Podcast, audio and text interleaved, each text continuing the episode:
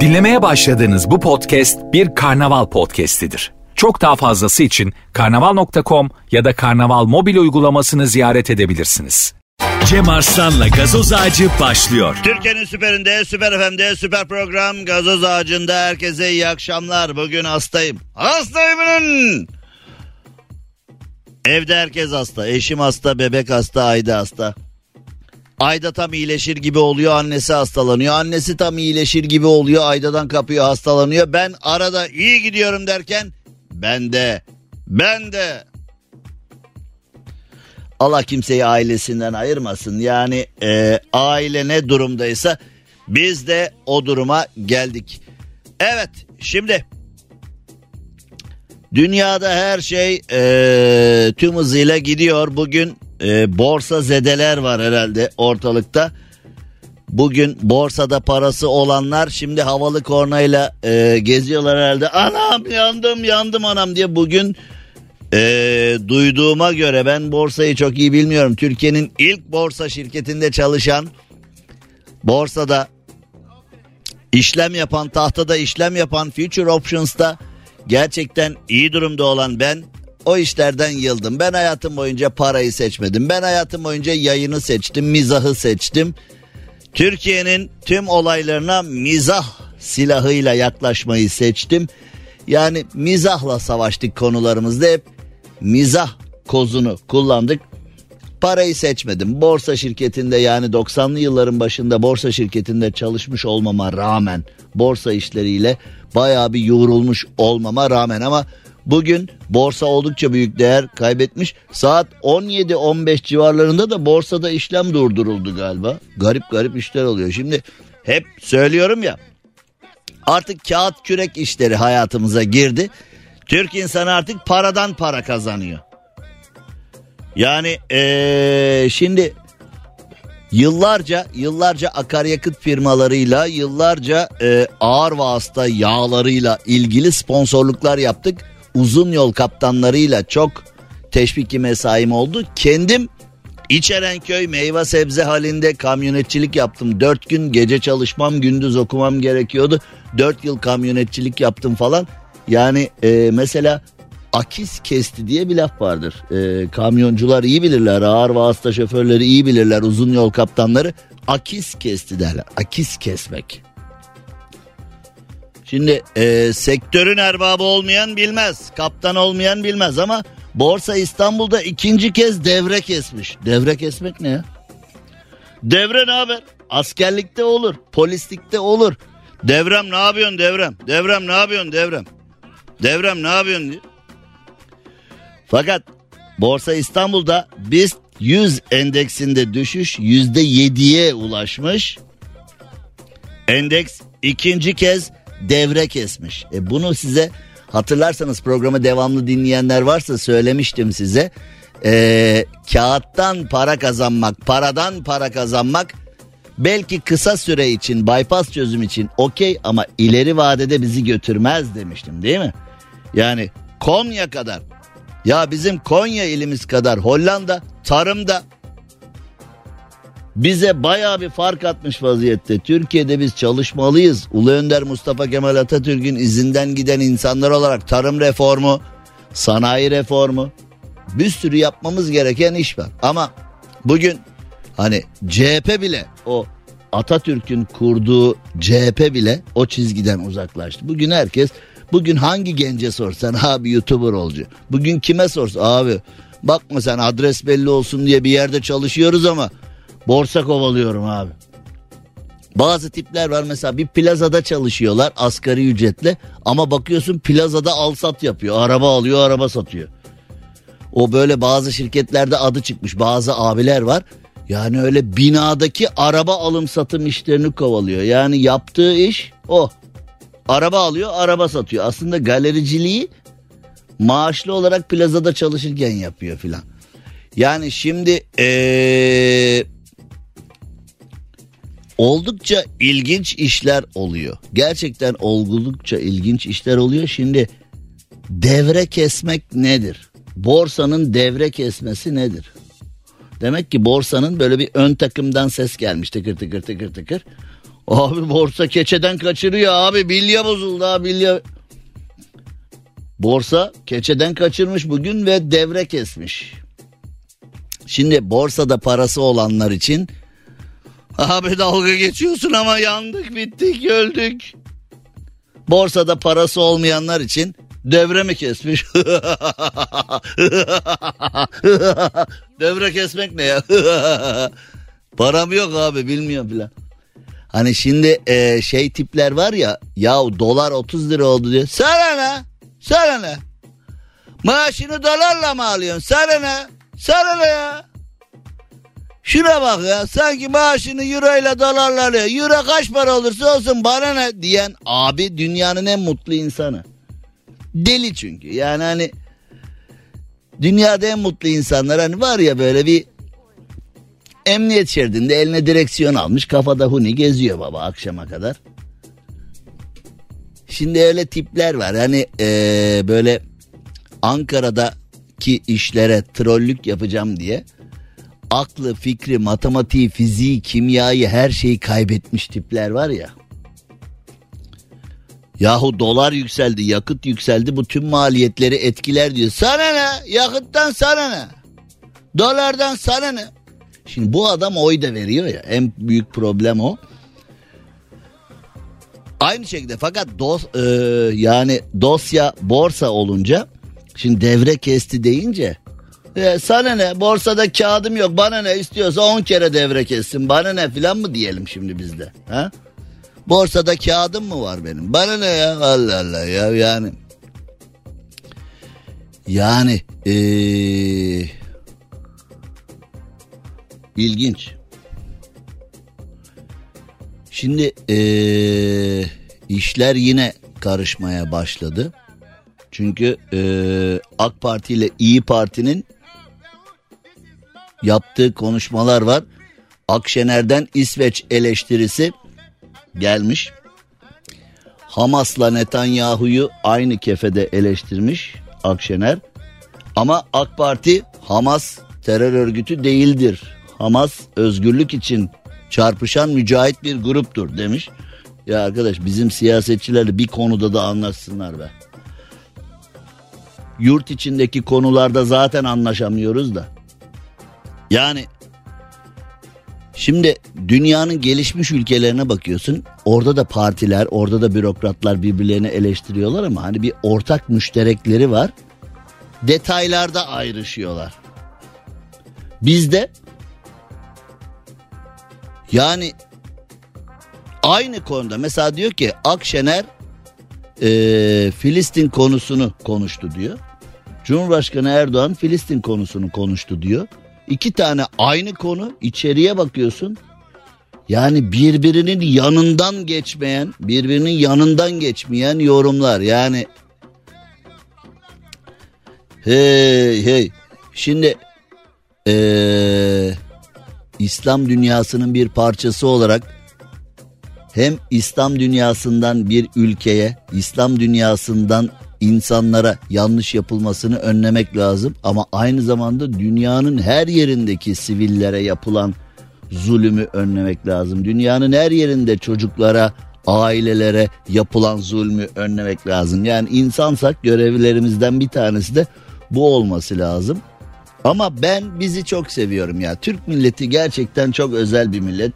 Ulu Önder Mustafa Kemal Atatürk de ne mutlu Türk'üm diyene derken hani bizi çok güzel anlatmıştır. Onun vatan millet sevgisi her zaman örnek aldığımız bir şeydi. Biz olmayı çok seviyorum. Yani geçmişte baktığın zaman tarihte Arap dünyasının hani o e, Arabistanlı Lawrence'dan başla e, Osmanlı ile Filistin arasındaki muhabbete gel. E, geçmişte Arap dünyasıyla Türk dünyası arasındaki mevzulara gel falan. Biz hep yanağımızı uzatmışız bir tokat yemişiz diğer yanağımızı da uzatmışız. Neden? Aramızda bir din birliği var aramızda bir geçmişten gelen e, çeşitli müşterekler var falan bilmem ne. Yani eski dost düşman olmaz demişiz ama biz Arap dünyasıyla alakalı mesela Kıbrıs'ta destek aramışız bulamamışız. Terörde destek aramışız bulamamışız. Toprak yönetiminde destek aramışız, bulamamışız. Yani o geçmiş hesaplaşmalarla günümüze gelindiğinde aslında bizim yani bakıldığında Arap dünyasından birçok ülkeye kardeşim siz zamanında bize yardım ettiniz mi ki? Şimdi hani savaştan kaçıyorsunuz geliyorsunuz. Sıkıntı çekiyorsunuz geliyorsunuz. Ee, saldırıya uğruyorsunuz geliyorsunuz bakın hep Türkiye var yanınızda. Peki Türkiye sizden bir şey rica ettiğinde yaptınız mı? Yapmadınız. Şimdi onun için biz olmayı seviyorum. Biz aslında her şeye rağmen ee, lanet olsun içimdeki insan sevgisine durumu var yani biz her şeye rağmen demek ki kin tutmayan bir milletiz. Bunu e, görüyoruz. Yani e, destek istediğimizde mesela bu Ermeni soykırım mevzusunda Filistin'den destek istedik Kıbrıs mevzusunda Filistin'den destek istedik Arap dünyasından destek istedik birçok konuda birçok yardıma ihtiyacımız oldu Bak Suriyeliler, Suriyeliler savaştan kaçtılar buraya geldiler. Bu ülkede şu anda çalışıyorlar, yiyorlar, içiyorlar. Sağlık ve eğitim noktasında yardım alıyorlar. Eyvallah. Ama biz Suriye'ye dedik ki ey Suriye bağrında şu terör örgütünü barındırma. Bağrında barındırdığın bu terör örgütü bize maddi manevi zarar veriyor filan dedik. Yıllarca bir ilerleme sağlayamadık. Ama biz onların bize ihtiyacı olduğunda hemen kapıyı bacayı açıyoruz. Hemen çorbamızı paylaşıyoruz. Hemen ekmeğimizi paylaşıyoruz. Yani şimdi de bakıyorsun Meral Akşener'i dinle bambaşka bir şey. Cumhurbaşkanı Erdoğan'ı dinle bambaşka bir şey. Erdoğan'ı ve Meral Akşener'i bir kenara koydum. Bahçeli'yi diğer liderleri dinleyeyim desen onlar daha da başka.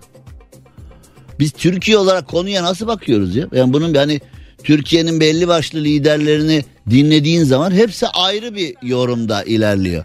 Anladığım kadarıyla bu konu anladığım kadarıyla bu konu e, dış siyasetin iç siyasete sıçraması olarak karşımıza çıkacak. Hayırlısı diyelim bakalım şimdi. Zaten iç siyasette de nelerin olduğu e, yani diyorum ya ben iç siyasetten e,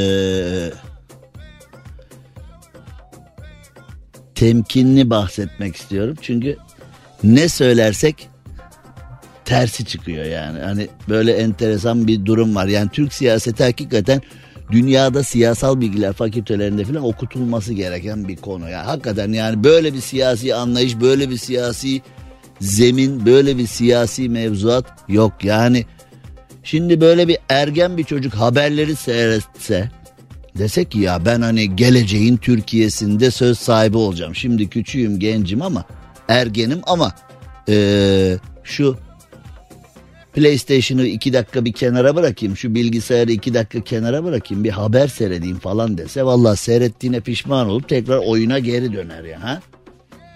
Oyun iyi oyun. Oyun iyi. Kur takımı abi. Kur takımı abi. Aç FIFA'yı kur takımı filan ha? Vallahi geri döner. Yani hani şu anda e, memleketin üst düzey liderlerinin cümlelerine bakıyorsun. Hiçbir tanesi günümüz ergen yapıyı tatmin edecek boyutta değil. Ha o bağlayıcı grup kararı bilmem ne falan var. Şimdi e, bir parti lideri kürsüden konuşuyor. Bir salon dolusu takım elbiseli adam da ayakta alkışlıyor. Ondan sonra sessizce dağılıyorlar. İtirazları varsa bile kendi aralarında kulis yapıyorlar. Öyle mikrofon isteyip itiraz edecek mikrofon isteyip az önce Sayın Başkanım az önce böyle dediniz ama yani e, biz de sizin e, altınızda çalışıyoruz diye her dediğinize evet diyecek değiliz filan. O cesaret var mı bizde? Ha? Yani o partilerde o sağda da solda da yani AK Parti'de, CHP'de, MHP'de, İyi Parti'de filan hani bunu diyecek olan kişi var mı? Bunu dediği anda da disiplin kurulunda buluyor kendini. Ya disiplin kurulu deyince benim aklıma hani ne bileyim böyle birine tacizde bulundu. Hani böyle bir e, oturum arasında cüzdan çaldı, telefon çaldı falan. Hani ne bileyim dolandırıcılık yaptı filan. Hani benim aklıma böyle şeyler geliyor disiplin. Bizde Disiplin cezaları var. Partilerin disiplin ceza. Ne yapmış bu adam? Başkanla ters düşmüş. Ya başkanla ters düşmemiş. Başkanın söylediği bir şeye o da fikrini beyan etmiş bile. E yeter tamam işte ters düşmüş. E tamam bu da ters. Bu ters düşme. Ters düşmüş ya başkan. Ya böyle disiplin cezası mı olur ya? Böyle disiplin cezası mı olur ya? He? Olmaz olur mu? Ama olmaz olsun. Yani şimdi e, onun için ergenler şöyle bir siyasete bakıyorlarsa da baktığına pişman oluyorlar. Ha? Günümüz ergenlerini zaten çoğu konuda onlardan ben razıyım yani. Gerçekten güzel insanlar çünkü ikna olmadıkları hiçbir işi yapmıyorlar. Helal olsun bence doğru da yapıyor. Cem Arslan'la gazoz ağacı devam ediyor.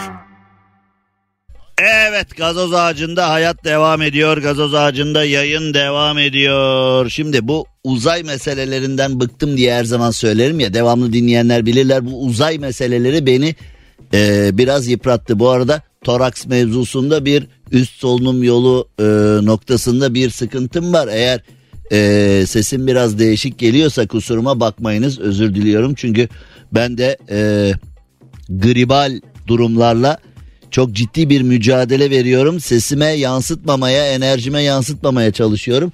Umarım ee, şikayetiniz yoktur. Varsa da ee, yani gerçekten mevcut şartlardaki en üst düzey performans bu. Şimdi uzayla alakalı sıkıntıya girdim dediğim ee, uzay konularını eğer biz siyasi olarak, PR olarak, hava atma meselesi olarak, e, teknolojide lideriz demek için kullanıyorsak evet.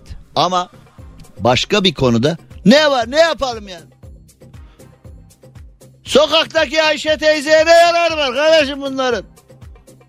Abuk sabuk konuşuyorsun. Yani e, siyaseten durum böyle. Bir mevzu aklınıza gelen ya da gelmeyen herhangi bir mevzu siyaseten bizi besliyorsa evet. Siyaseten bizi beslemiyorsa hayır. Yaşam politikamız bundan ibaret. Çok basit. Siyaseten bize faydası varsa tüm hücrelerimizle evet. Oy getirmiyorsa tüm hücrelerimizle hayır. Çok basit yaşıyoruz aslında. Mars etrafında dönen uyduların verilerine göre Mars'ta 6 saat süren 4.7 büyüklüğünde bir deprem gerçekleşmiş. Ee, biz dünyadaki depremlerin önüne geçemiyoruz. Dünyadaki kayıpların önüne geçemiyoruz. Depremlerle alakalı canlarımız gitti, sevenlerimiz gitti, malımız, mülkümüz, ürünümüz, hayvanımız, ormanımız gitti. Yani depremlerde neler gitti neler. Biz Şimdi depremle alakalı herkes en iyi neyi biliyor? Depremi önceden tespit eden, depremi önceden bilen bir şey yok. Buna rağmen deprem profesörü ünvanlı abiler var. Yani şimdi profesör deyince hani her şeyi acayip bilen, en dip bilgilere kadar, su basmaz seviyesine kadar acayip bilen, cilt cilt kitaplar okumuş, okumakla kalmamış, o kitapların bir kısmında yazmış falan. Hani öyle abiler diyoruz. Deprem profesörü diyoruz. Şimdi deprem profesörüne klasik olarak soru da sabit. Ne zaman deprem olacak İstanbul'da? Ee, şimdi dostum ben e, 30 yıllık deprem profesörü. Evet. E, fakat bunu söylemek güç tabii ki. Depremi önceden. Bu adam ne biliyor da profesör o? Hiçbir şey bilmiyor. Biz memlekette ne zaman deprem olacak onu bilmiyoruz. Mars'taki depremi ölçmüşüz. Yani. Tabi biz derken bu biz yani biz değil. Bunu e, NASA falan şey yapmış da e, yani insanoğlu olarak 6 saat sürmüş. 4.7 büyüklüğündeki. Ya biz bu Mars'ta yaşamaya çalışıyoruz. Biz nasıl yaşayacağız ya ha?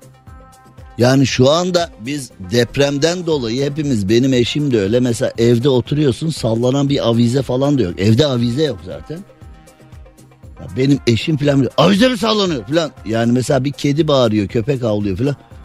Bir garip bir garip bir garip bu havlamalar falan bir garip bir, bir şey oluyor. Bir şey kesin bir şey olacak falan diye.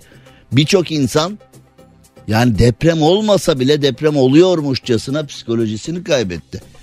Şimdi biz bu Mars'ta yaşamaya çalışıyoruz. 4.7 büyüklüğündeki deprem 6 saat sürmüş. Ha? 6 saat 4.7 sallansak bu. Arkadaş Mars dediler geldik. Yani ha dünyayı terk etmeye değer miydi? İçimiz dışımıza çıktı. Luna Park gibi ya bu ne ya diye ha? Vallahi ee, sokaktaki Ayşe teyzeyi de bir tek örnekleme de sanki Ayşe teyzeyi düşünen varmış gibi.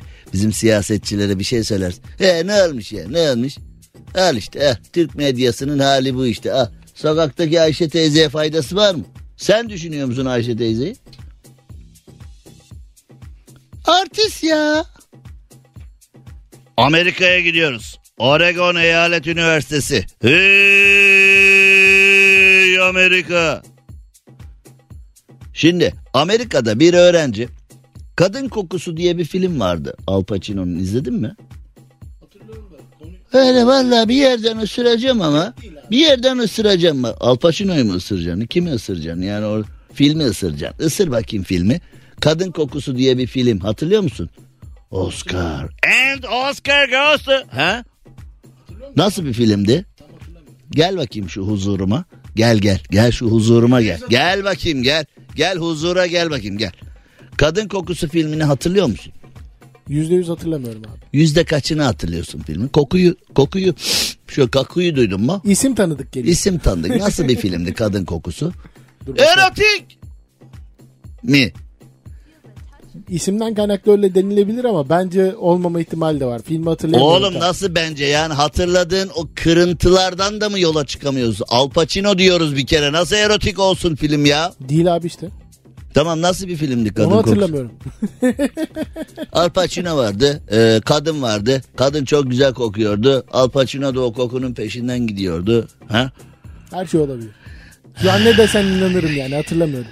Peki gider misin buradan? Çok teşekkür ederim. Sağ. Yani e, programa bir şey katsın diye yayına alıyorsun. Olanı da alıyor götürüyor kardeşim adam. Yani şimdi bir öğrenci sosyal medyadan okuduğu okulla alakalı e, robotik yemek makinalarını kastederek demiş ki okulda bomba var. Oregon Üniversitesi'nde.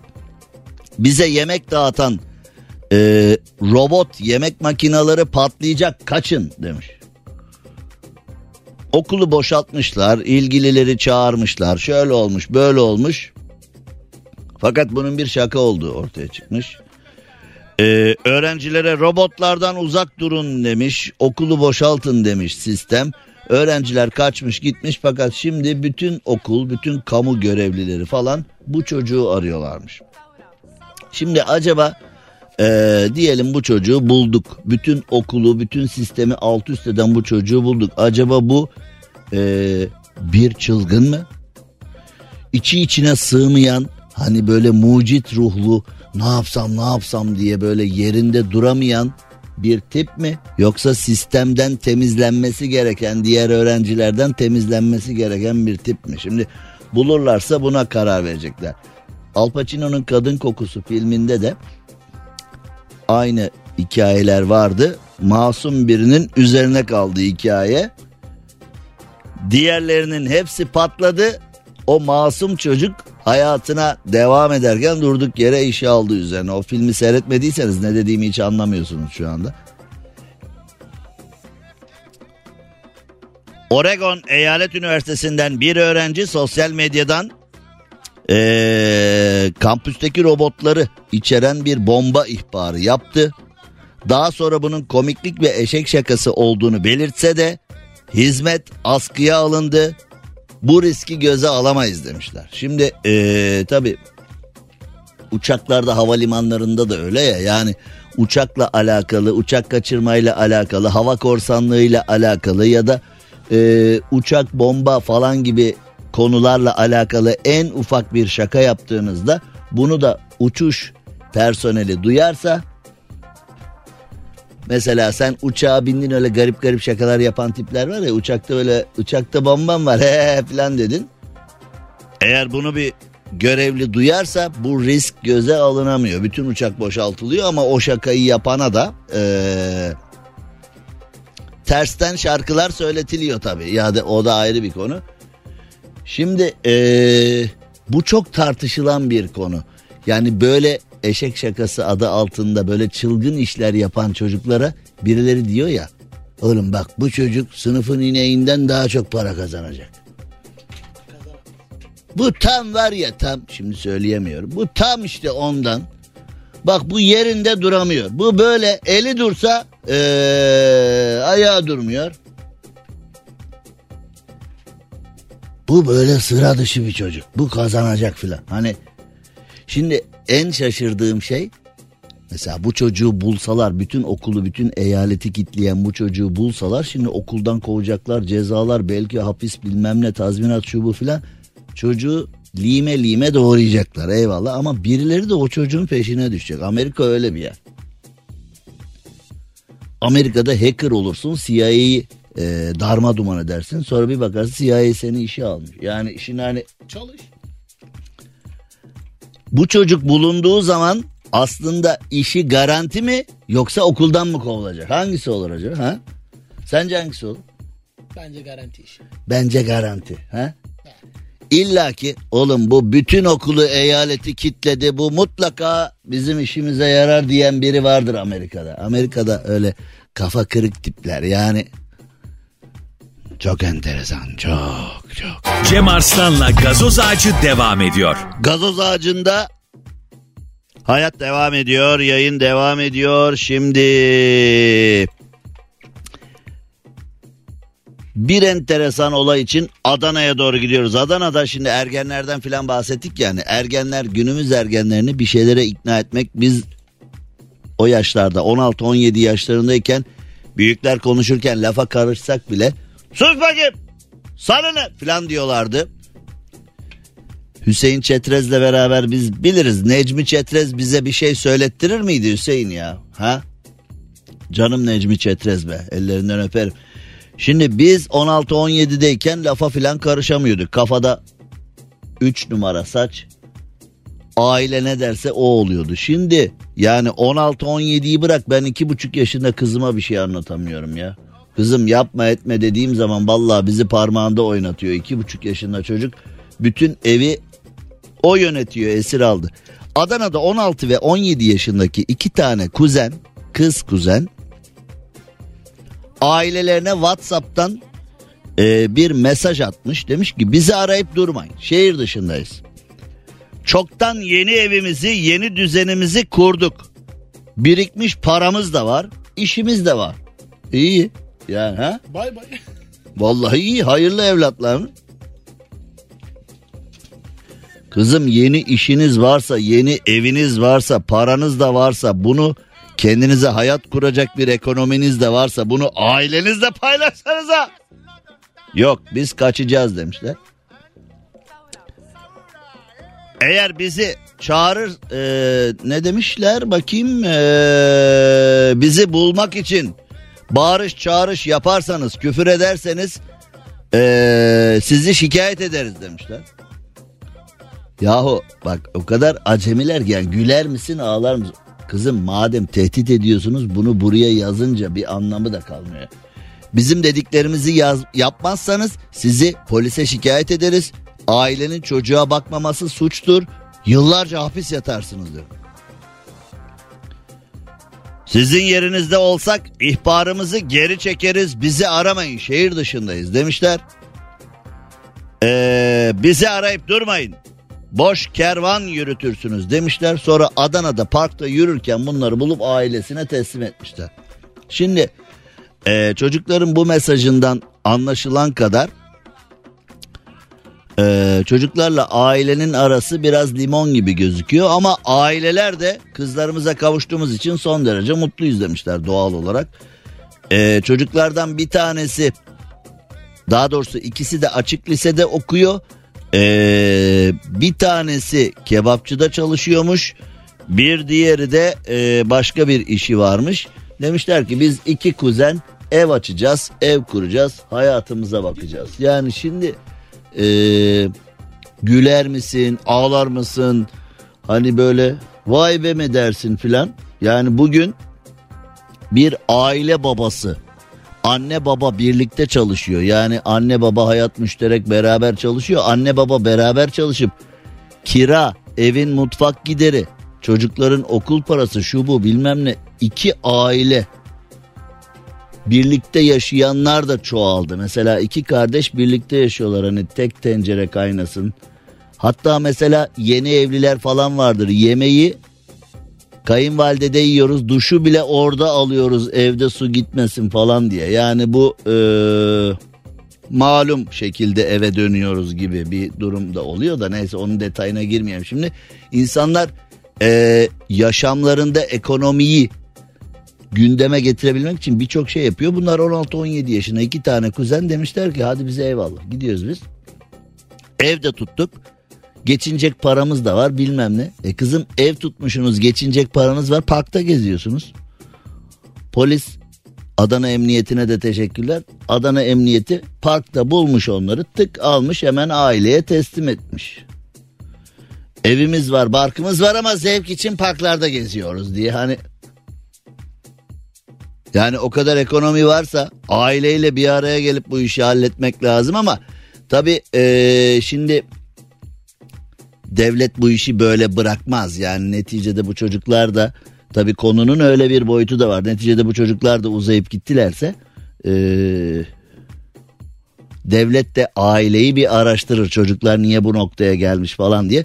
Şimdi konunun tabii hassas detayları da var. Biz fazla derine gitmeyelim ama e, günümüz ergenleriyle başa çıkmak adına sadece ve sadece diyalog yolu var. Onları anlamaya çalışmak lazım. E, biz büyükler zaman zaman ergenlerin isteklerini anlamıyoruz. Zaman zaman onların hayata bakış açısı, istekleri, arzuları, kendilerine göre oluşturdukları bütçeleri falan bize saçma gelebilir ama hey atır atırdığın yerde filan demekle biz bu işleri çözemeyiz çözemeyiz sadece ve sadece diyalog yolu açılması lazım. Şimdi e, insanlar sıkıntılar çekerken bir araştırmaya göre Merkez Bankası'nın e, eski bakan döneminde kredi dağıttığı bu kredinin de e, 2022 yılında dağıtılan bu kredinin de firmalar tarafından dövize yatırıldığı tespit edilmiş. Şimdi firmalar gitmişler Merkez Bankası'ndan kredi kullanmışlar. Tabii işin içine bir eli siyasette bir eli ticarette olan abiler girmiş. Eski bakan döneminde bunlar yapılmış ve bu firmalar döviz varlıklarını yüzde 773 orana bak. Yüzde 773 oranında arttırmışlar. Ya arkadaş şimdi e, T24'teki bir habere göre ani kredi büyümesi ve firma davranışları başlıklı araştırmada heterodoks ekonomi modeli uygulanmış ve hani e, Maliye Bakanı Nurettin Nebati bir konuşma yapmıştı. Tüm dünya anlamamıştı ya heterodoks ekonomi modeline geçiyoruz. Orada öyle orada böyle ben tekrar bile edemiyorum o konuşmayı. Yani ben birdenbire rahmetli Levent Kırca ayaklandı geldi. Bu konuyla alakalı bir skeç yapıyor falan zannettim. Meğerse o gerçek bir toplantıymış filan. Bakan Nurettin Nebati'nin o konuşmasını hiçbirimiz anlamamıştık. Ama o dönemlere şöyle bir inceleme yapılmış. Ya bir firma bizden kredi aldığında bunun karşılığında iş yapıyor mu diye biz araştırmıyor muyuz Allah aşkına ya? Yani e, şirketler kredi alır tamam ihtiyacı varsa alır. O krediyi kullanır işe yatırır bilmem falan. Kredi alınmış dövize yatırılmış. Yüzde 773'lük bir durum oluşmuş. Acaba ben şunu merak ediyorum. Bu araştırılacak mı acaba? Acaba araştırılır mı bu? Yani e, böyle bir dönemde yani krediyi alan firma hakikaten bunu iddia ettiği şekilde mi kullanmış? Devletten kredi almış, bankadan kredi almış. Burada anlatılana göre, iddiaya göre. Şimdi buna birinin evet ya da hayır demesi lazım. Yani burada önemli olan ne biliyor musun? Şimdi böyle haberler çıktı. Şimdi bu doğru mu? Tabii e, kirasını ödemekte zorlanan kredi kartı borcunu ödemekte zorlanan, yaşamakta kısacası yaşamakta zorlanan insanlar böyle bir haber çıktığı zaman konuyu merak ediyorlar. Bu hakikaten oldu? Buna şimdi evet öyle oldu ya da hayır öyle olmadı da denmiyor. Yani böyle bir şey atıldı ortaya. Şimdi vatandaş da tabii merak ediyor acaba bu böyle mi falan diye. Ee, gerçekten ilginç işler var. Yani ee, bunun bir an önce araştırılması ve bize kamuoyuna bir cevabının verilmesi lazım. Evet öyle bir şey olmuş ama e, geri dönüldü. Bunun icabına bakıldı ya da yalan söyleniyor. Böyle bir şey yok denmesi lazım. Yani e, bu tür şeyler ortaya çıkıyor. Çıktığı zaman sinir bozucu oluyor. Çünkü insanlar yaşamakta zorlanırken, evine peynir zeytin almakta zorlanırken birinin birinin aldığı krediyle döviz yatırımı yapıp para kazanması can sıkıcı olur tabii. Bunun derhal cevaplanması ve e, oy veren vatandaşa bakın siz oy verdiniz ama biz olayları koy vermedik. Yani bunu takip ediyoruz. Göz açtırmıyoruz. Hepsini yapıyoruz diyebiliyor olması lazım. E, burada da inşallah olur diyelim. Şimdi kısacık bir ara veriyoruz. Aranın ardından devam ediyoruz. Ben de biraz boğazımı e, fark ettiyseniz biraz kötü durumdayım. Biraz hastayım. Hasta hasta yayını yapıyorum iğneyle. Ee, biraz boğazıma işte ıhlamurdu, limondu falan biraz pansuman yapalım boğazımıza. Çünkü gerçekten konuşamayacak durumdayım. Zar zor e, yayını yapma noktasındayım. Kusuruma bakmayın özür diliyorum. E, bu arada Cumartesi pazar 16 ile 18 arasında TÜYAP İstanbul'da e, kitap fuarında olacağız. TÜYAP kitap fuarında e, eğer gelirseniz mutlu oluruz. 16-18 arası TÜYAP kitap fuarında da buluşalım. Orada e, gelin kitapları imzalayalım, muhabbet edelim, resimler çekelim, videolar çekelim. Orada e, beraber olmayı umut ediyoruz. Fuar bazında tabii ki.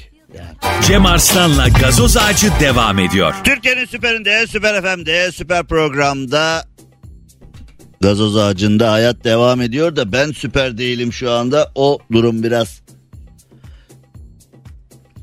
yani ee, üst solunum yolu enfeksiyonu şu anda herhalde birçoğumuzun hayatını tehdit ediyor. İyi. Şimdi işten dönerken beni dinleyenler radyosunun sesini biraz daha açsınlar. Ne işler var ve biz bulamadık diyeceğiniz bir şey geliyor. Geliyor.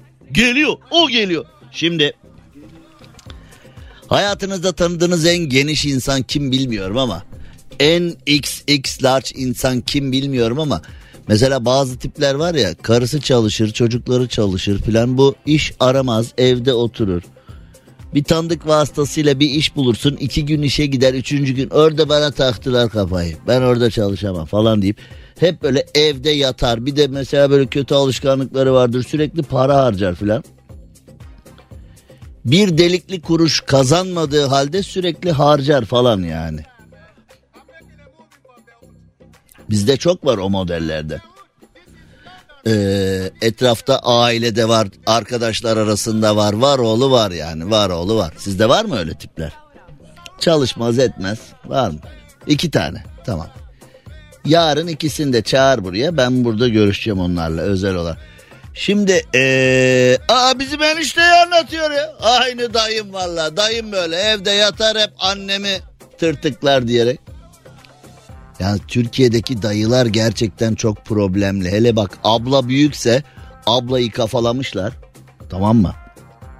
Abla da erkek kardeşine kıyamıyor. Ay çocuğum gibi o benim falan diye. Bir de abla ile küçük erkek kardeş arasında şöyle 10-12 yaş falan varsa ooo bak o çocuk hiçbir zaman dikiş tutmaz ben sana söyleyeyim. Ablaya dayamıştır sırtını. Canım ablam canım ablam canım ablam canım ablam. Ben biliyorum bu işleri. Şimdi neyse 15 yıldır izinde olan adam zam alamadığı için iş yerine dava etmiş. Nasıl? Teknoloji devi bir şirketin üst düzey bilişim çalışanı Son 15 yıldır hastalık izninde ol. 15 ne hastası kardeşim bu? Bu nasıl hastalık ya? İzinliyim ne kadar 15 yıldır filan. Ben bazen eskiden mesela bazı arkadaşlarım vardı devlet memuruydu filan. Oğlum sen ayrıldın mı işten filan? Yo çalıyorum. Öksürük arası. Bazen bakıyor aylarca işe gitmiyor. Sen ayrıldın mı işten haberimiz mi? Yok çalışıyorum. E neredesin? Raporluyum. Nasıl rapor bu ya? Kim veriyor kardeşim bu raporu? 3 ay 6 ay raporluyum falan bilmem. Mesela tayin zamanlarında falan çok olur böyle. Öyle raporlar var. Bu raporları hakikaten rapor mu diye araştıran da yok demek ki. Yani doğru dürüst. Bazıları var raporlu falan yani görmüştüm. Hatta iş yerinden rapor alıp başka yerde çalışan biliyorum. Yani Var var öyle bankamatik memurları çok var memlekette. Sadece bankamatiğe gidiyor e, ay başından ay başına maaşını alıyor. Arada e, sen ne iş yapıyorsun da bu parayı alıyorsun falan diye. Yapıyoruz bir şeyler ya işte filan. Cevap da böyle yapıyoruz bir şeyler. Ne yapıyorsun? Ya işte kurcalama yapıyoruz bir şey. Kurcalama diyorsa hakikaten kurcalama. Çünkü alacağın cevaplar da problemli. O cevapları alacaksın o cevaplarla ilgili bir şey de yapamayacaksın. Elinden de bir şey gelmeyecek. Çünkü hani kılıf hazırlanmış hepsinin falan. Enteresan. Amerikalı teknoloji devi olarak bilinen şirket sağlık sorunlarından dolayı 2008'de hastalık iznine ayrılan 2013 yılına kadar hastalık izninde kalan 2013'te tıbbi olarak tamamen emekli olan kişinin işten çıkartılması için bir dizi özür diliyorum. Bir dizi hamle yapmış. En son engellilik planına dahil edilmiş. Uzlaşmaya varılmış. Ee, en nihayetinde bu kişi 15 yıl boyunca işe gitmemiş. Yani işe girmiş 15 yıl işe gitmemiş. Fakat sonrasında demiş ki siz bana niye zam vermediniz? Siz benim primlerimi niye vermediniz? Bir buçuk milyon sterlin para istiyorum demiş. Şimdi bu arkadaşın rahatsızlığı bence psikolojik yani hani ha? Bir akıl hastalığı var yani. Hani ne hastası da 15 yıl işe gitmiyor. Şimdi Türkiye'de ben bir herhangi bir iş yeri düşündüm mesela patrona. Ben eski radyodan buraya geldiğimde sekiz buçuk ay iznim çıktı. Hani izne gideceğim diyorlardı. Diyordum yollamıyorlardı. E benim iznim var. E kullansaydın diyorlardı falan. Hani öyle öyle öyle öyle öyle. Sekiz buçuk ay iznim çıkmıştı ben de şaşırmıştım. Bildiğin izin yapmadan çalışmışız. Neyse. Şimdi ben düşündüm yani mesela ben şimdi gitsem 15 yıl hastayım kardeşim ne yapayım ya? Neredesin oğlum sen yayın hastayım abi. Mesela Rafet bir gidiyor 15 yıl yok mesela.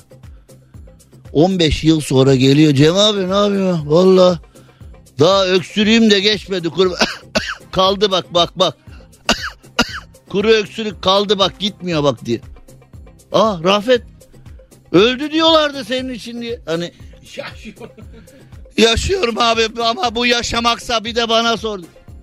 Türkiye'de olur mu acaba böyle bir şey diye düşünün. 15 yıl. 15 yıl. Ha? Zor değil mi? Türkiye'de oğlum hakkın olan izne gideceksin. Patron diyor ki tamam git ama uzun bir izin ya gelme bir daha diyor. Ya bu benim hakkım izne çıkacağım diyorsun. İzinimiz yok ne izni? İşimiz gücümüz var ne izni falan diyor. Türkiye'de hani o çalışanın kaderi sisteme bağlı değil patrona bağlı. Yani patron diyorsa git Mesela diyorsun ki ya 15 gün hani artık yol paraları yakıt filan yanına yaklaşılmıyor. Yakıt falan ateş pahası. Mesela para harcayacaksın memlekete gideceksin. O zaman insanlar diyor ki eskiden öyle ne olacak memlekete hadi bas marşa gidiyordun. Şimdi gitmişken bari bir 15-20 gün kalayım iznimi yapayım falan diyorsun. Kanuni hakkın bu senin. Patron diyor ki ne öyle? Ne öyle ben patronum ben yapmıyorum 3 ay izin. Özür dilerim 3 hafta izin ben yapmıyorum. Sen yapma ne yapayım yani şu hani. Benim kanuni hakkım 3 hafta izin falan. Ya, ya.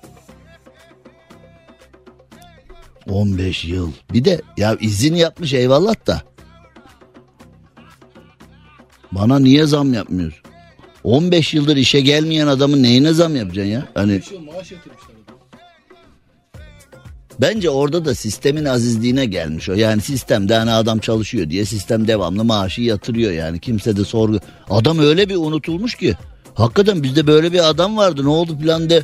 Hani sistem devamlı maaşını yatırmış. Yerine adam filan almışlar filan. Sistem hani kimse adamı araştırmamış. Adam öyle arada kaynamış yani.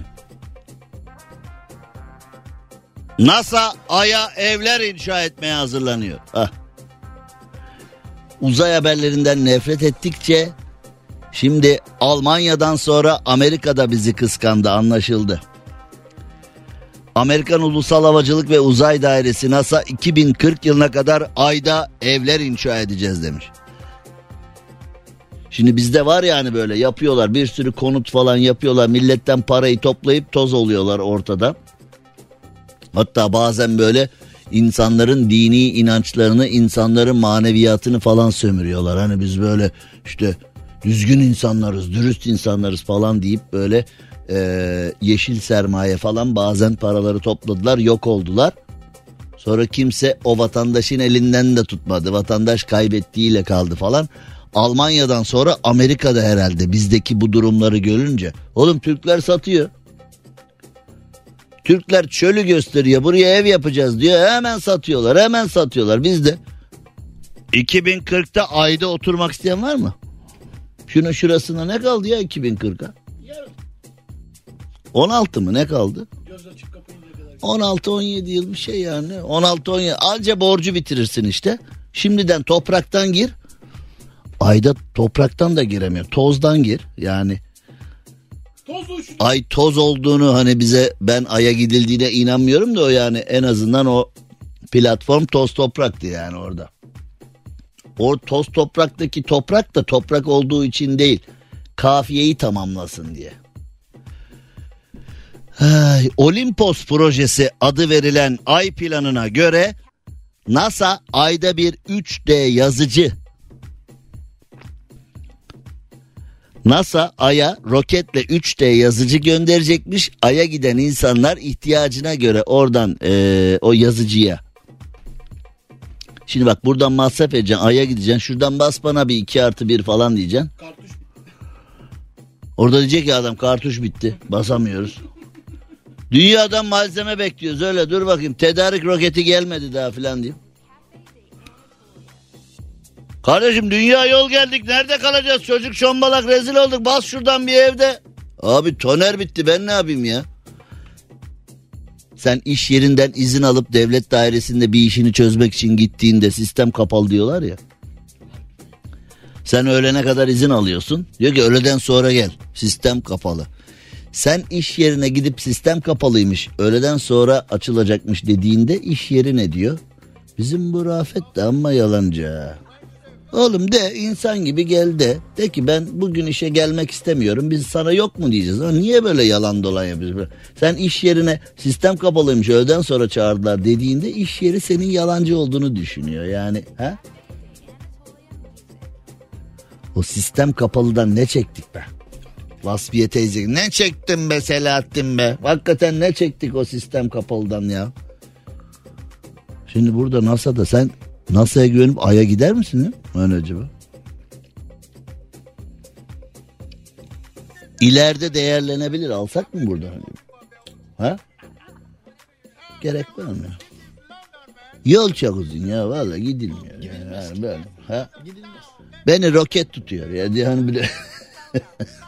mazot hiç mazot. Cem Arslan'la gazoz ağacı devam ediyor. Türkiye'nin süperinde süper program gazoz ağacında yayınımıza devam edelim. Ve Bitlis Tatvan'a doğru gidelim. Ee, Bitlis'te Tatvan'da 2800 rakımlı Nemrut Krater Gölü civarında yaşayan ayılar dış çekim için bölgeye gelen gelin ve damadı korkuttu. Ve kardeşim şimdi 2800 metre rakıma çıkarsan Nemrut Krater Gölü'ne çıkarsan orada kimi göreceğini düşünüyorsun? Ha? Ben çıkmayacağım. Yani kimi göreceğini düşünüyorsun. Aa dizi oyuncuları da burada. Aa bütün popçular burada. Krater Gölü'nde Simge Sağan konserine denk geldik falan diye ha? Ne istiyorsun yani? Bu gelinle damat da iyiymiş yani. Ya tamam evleniyorsunuz mutlu olun. Ömür boyu mutluluklar dileriz. Güzel güzel vatana millete hayırlı çocuklarınız olsun falan eyvallah da 2800 metrede ne işiniz var be kardeşim? Evlendim zirvelere çıktım. Ha? Şu Rafet'i de bir evlendirebilseydim iyiydi ama. Sonbaharın gelmesiyle renk cümbüşüne. Derdi nedir bu sonbaharın? Neden soldurur yaprakları? Nereden bulur bu insanlar? Derdi nedir sonbaharın renk cümbüşü? Ee, Nemrut'ta gelin damatlar bu arada yalnız gelin ve damatlar yalnız değil yani birçok gelin birçok damat 2800 metreye çok fazla yeni evli çift gitmiş e, nikah fotoğraflarını evlilik fotoğraflarını çekebilmek için e, şimdi bak insanoğlunun doğayla imtihanına bak gelin damatlar demişler ki çok korktuk arabalara kaçtık sonra ne olmuş olabilir? Bak şimdi resim çekmek için 2800 metreye çıkmışlar. Nemrut Krater Gölü'nde tam resim çekerken ayılar gelmiş. Peki sonra ne olmuş olabilir? Gelin damat korkmuş arabalarına kaçmış. Peki sonra ne olmuş olabilir? Hayır, Ayılar da korkup kaçmış. Ayılar da demiş bunlar ne ya deyip ayılar da kaçmış. İlk önce ne oluyor burada filan diye gelmişler ayılar. Oh, açız aç bir şey var mı be 3-5? 3-5 bir şey var mı burada 3-5 bir atın böyle bir şey atı falan diye. Ayılar gelmiş bir umut.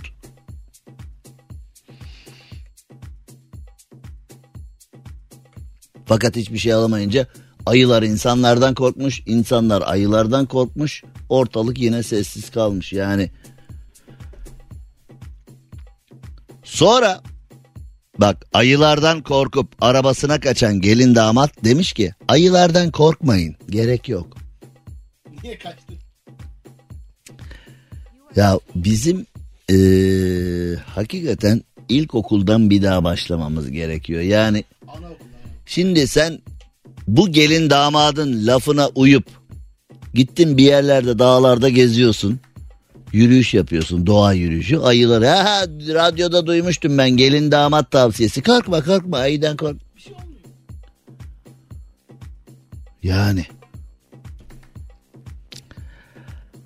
Ay ay. Vallahi Cem Bey kocam daha tehlikeli. Filan diye öyle kötü şakalar da var ya yani böyle. Ne korkacağım ondan mı. Göya karısıyla kocasıyla şakalaşırken ortamı yerle bir eden de çok insan var ya hani. Şişme bebeği ceset zanneden polis 31 saat boyunca yolu kapattı. Şişme bebek ve 31 saat. Vay be. Yani demek ki biri şişirip atmış yola. Yani eskiden biz çocukken apartmanlarda zilleri çalıp kaçardık. Teyzeler amcalar da kızarlardı öyle hani böyle huysuz ihtiyarlar vardı. Öyle. Doğurup doğurup sokağa atıyorlar. Uğraştır zilleri. Seni kerata annene söyleyeceğim. Tanıdım Cem sensin değil mi? Tanıdım seni falan diye. Bir de o, o tanmıyor burnun ucunu görmüyor. Yani o hani körlemesine atıyor. Hani kim yapmış olabilir Cem yapmış olabilir falan diye. Şimdi burada da şişirip şişirip atıyorlar. Şişirip şişirip atıyorlar uğraştır onlar. Polis kızıyor olabilir. Şişme bebeği nasıl ceset zannediyorsun ya? Demek ki ee, polis de şimdi şişme bebeğe gitmiş hani boynuna filan elini sür. Komiserim ölmüş. Yani meşhur bir Yeşilçam videosu vardı ya hani Cüneyt Arkın e, komiser miydi müdür müydü? Öyle bir şeydi bir tane kadıncağız ölmüş. Tecavüze uğramış diyor. Ötekisi de diyor ki nereden anladın? Öyle bakıyor diyor. otopsiyi biz ee, boyutlandırmışız yani. Hatırlamıyor musun öyle bir Yeşilçam videosu vardı. Öyle bakıyor diyor. Yahu günlerce otopsi yapıyorlar, günlerce araştırma yapıyorlar. Malum yerlerden örnekler alıyorlar, şüphelilerden örnekler alıyorlar, karşılaştırmalar, şunlar bunlar e, bilmem yine de böyle e, anca işte ulaştırıyorlar bir belirli bir yere ulaşınca o kişiyi sorguluyorlar. Bütün deliller seni gösteriyor filan diye sıkıştırınca tamam itiraf ediyorum ben yaptım falan diye hani.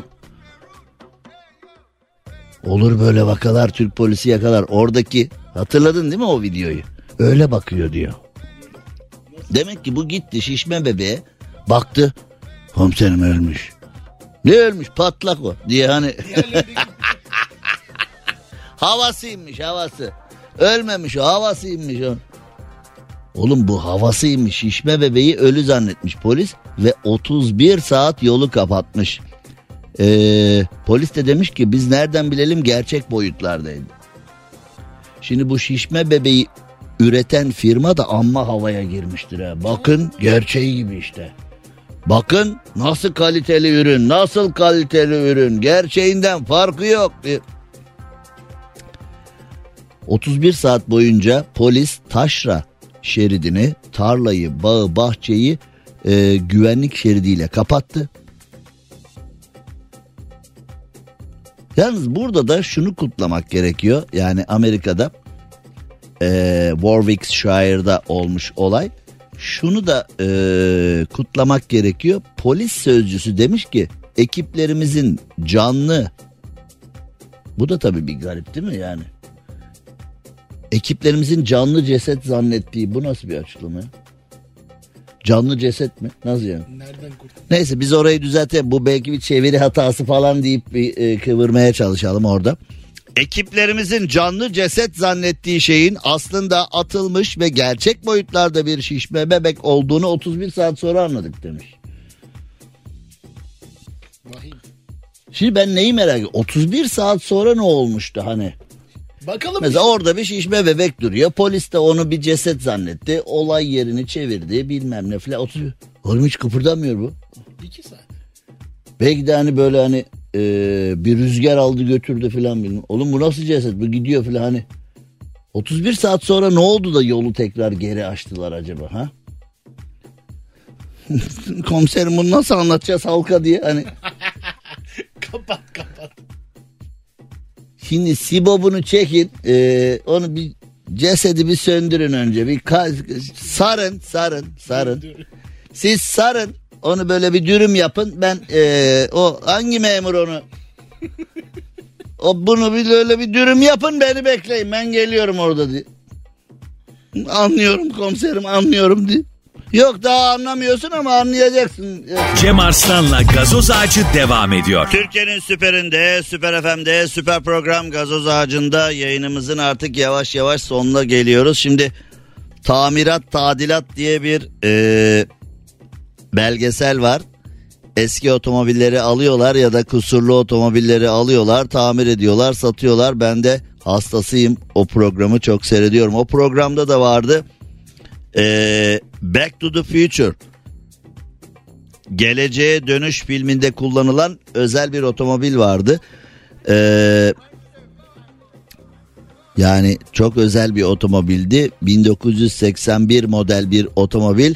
Büyük umutlarla yapılmıştı. O filmde kullanılmıştı. O otomobilin meraklısı çoktu. O filmin Geleceğe Dönüş filminin meraklısı da çoktu. O otomobili herkes seviyordu falan. Şimdi o araba bir çiftlikte bulunmuş. Yani o arabadan alacağım, o filme bayılıyorum, o otomobile bayılıyorum, hayallerimi gerçekleştireceğim desen o arabadan bulamazsın. Yani dünyada sayılı tamirat tadilatta da geçenlerde yaptılar bir tane. Çok ciddi bir paraya sattılar. Fakat çiftlik deposunda çürümeye yüz tutmuş şekilde filmde kullanılan araç bulunmuş. Eee 1981 ve 82'de üretilmiş. Üretici şirket iflas etmiş. 9000 kadar üretilmiş. Ee, yılda 25 bin otomobil üretmeyi planlıyormuş şirket. Ee, o kadar fazla yedek parça üretmiş ki hali hazırda yedek parçaları varmış arabanın. Ve şu anda Amerika'da o arabayı 85 bin dolara kadar e, alıcısıyla buluşturmak mümkünmüş. Ya araba satmıyor diye şirket batıyor. Günümüzde 85 bin dolara millet o arabanın peşinde. Ben de bunu anlamıyorum. Yani e, üreten şirket iflas ediyorsa iflas etti abi bulunmuyor. Bulunuyorken niye almıyordun? Bulunmayınca kıymetli oluyor abi diye. İnsanoğlunu anlamak da zor.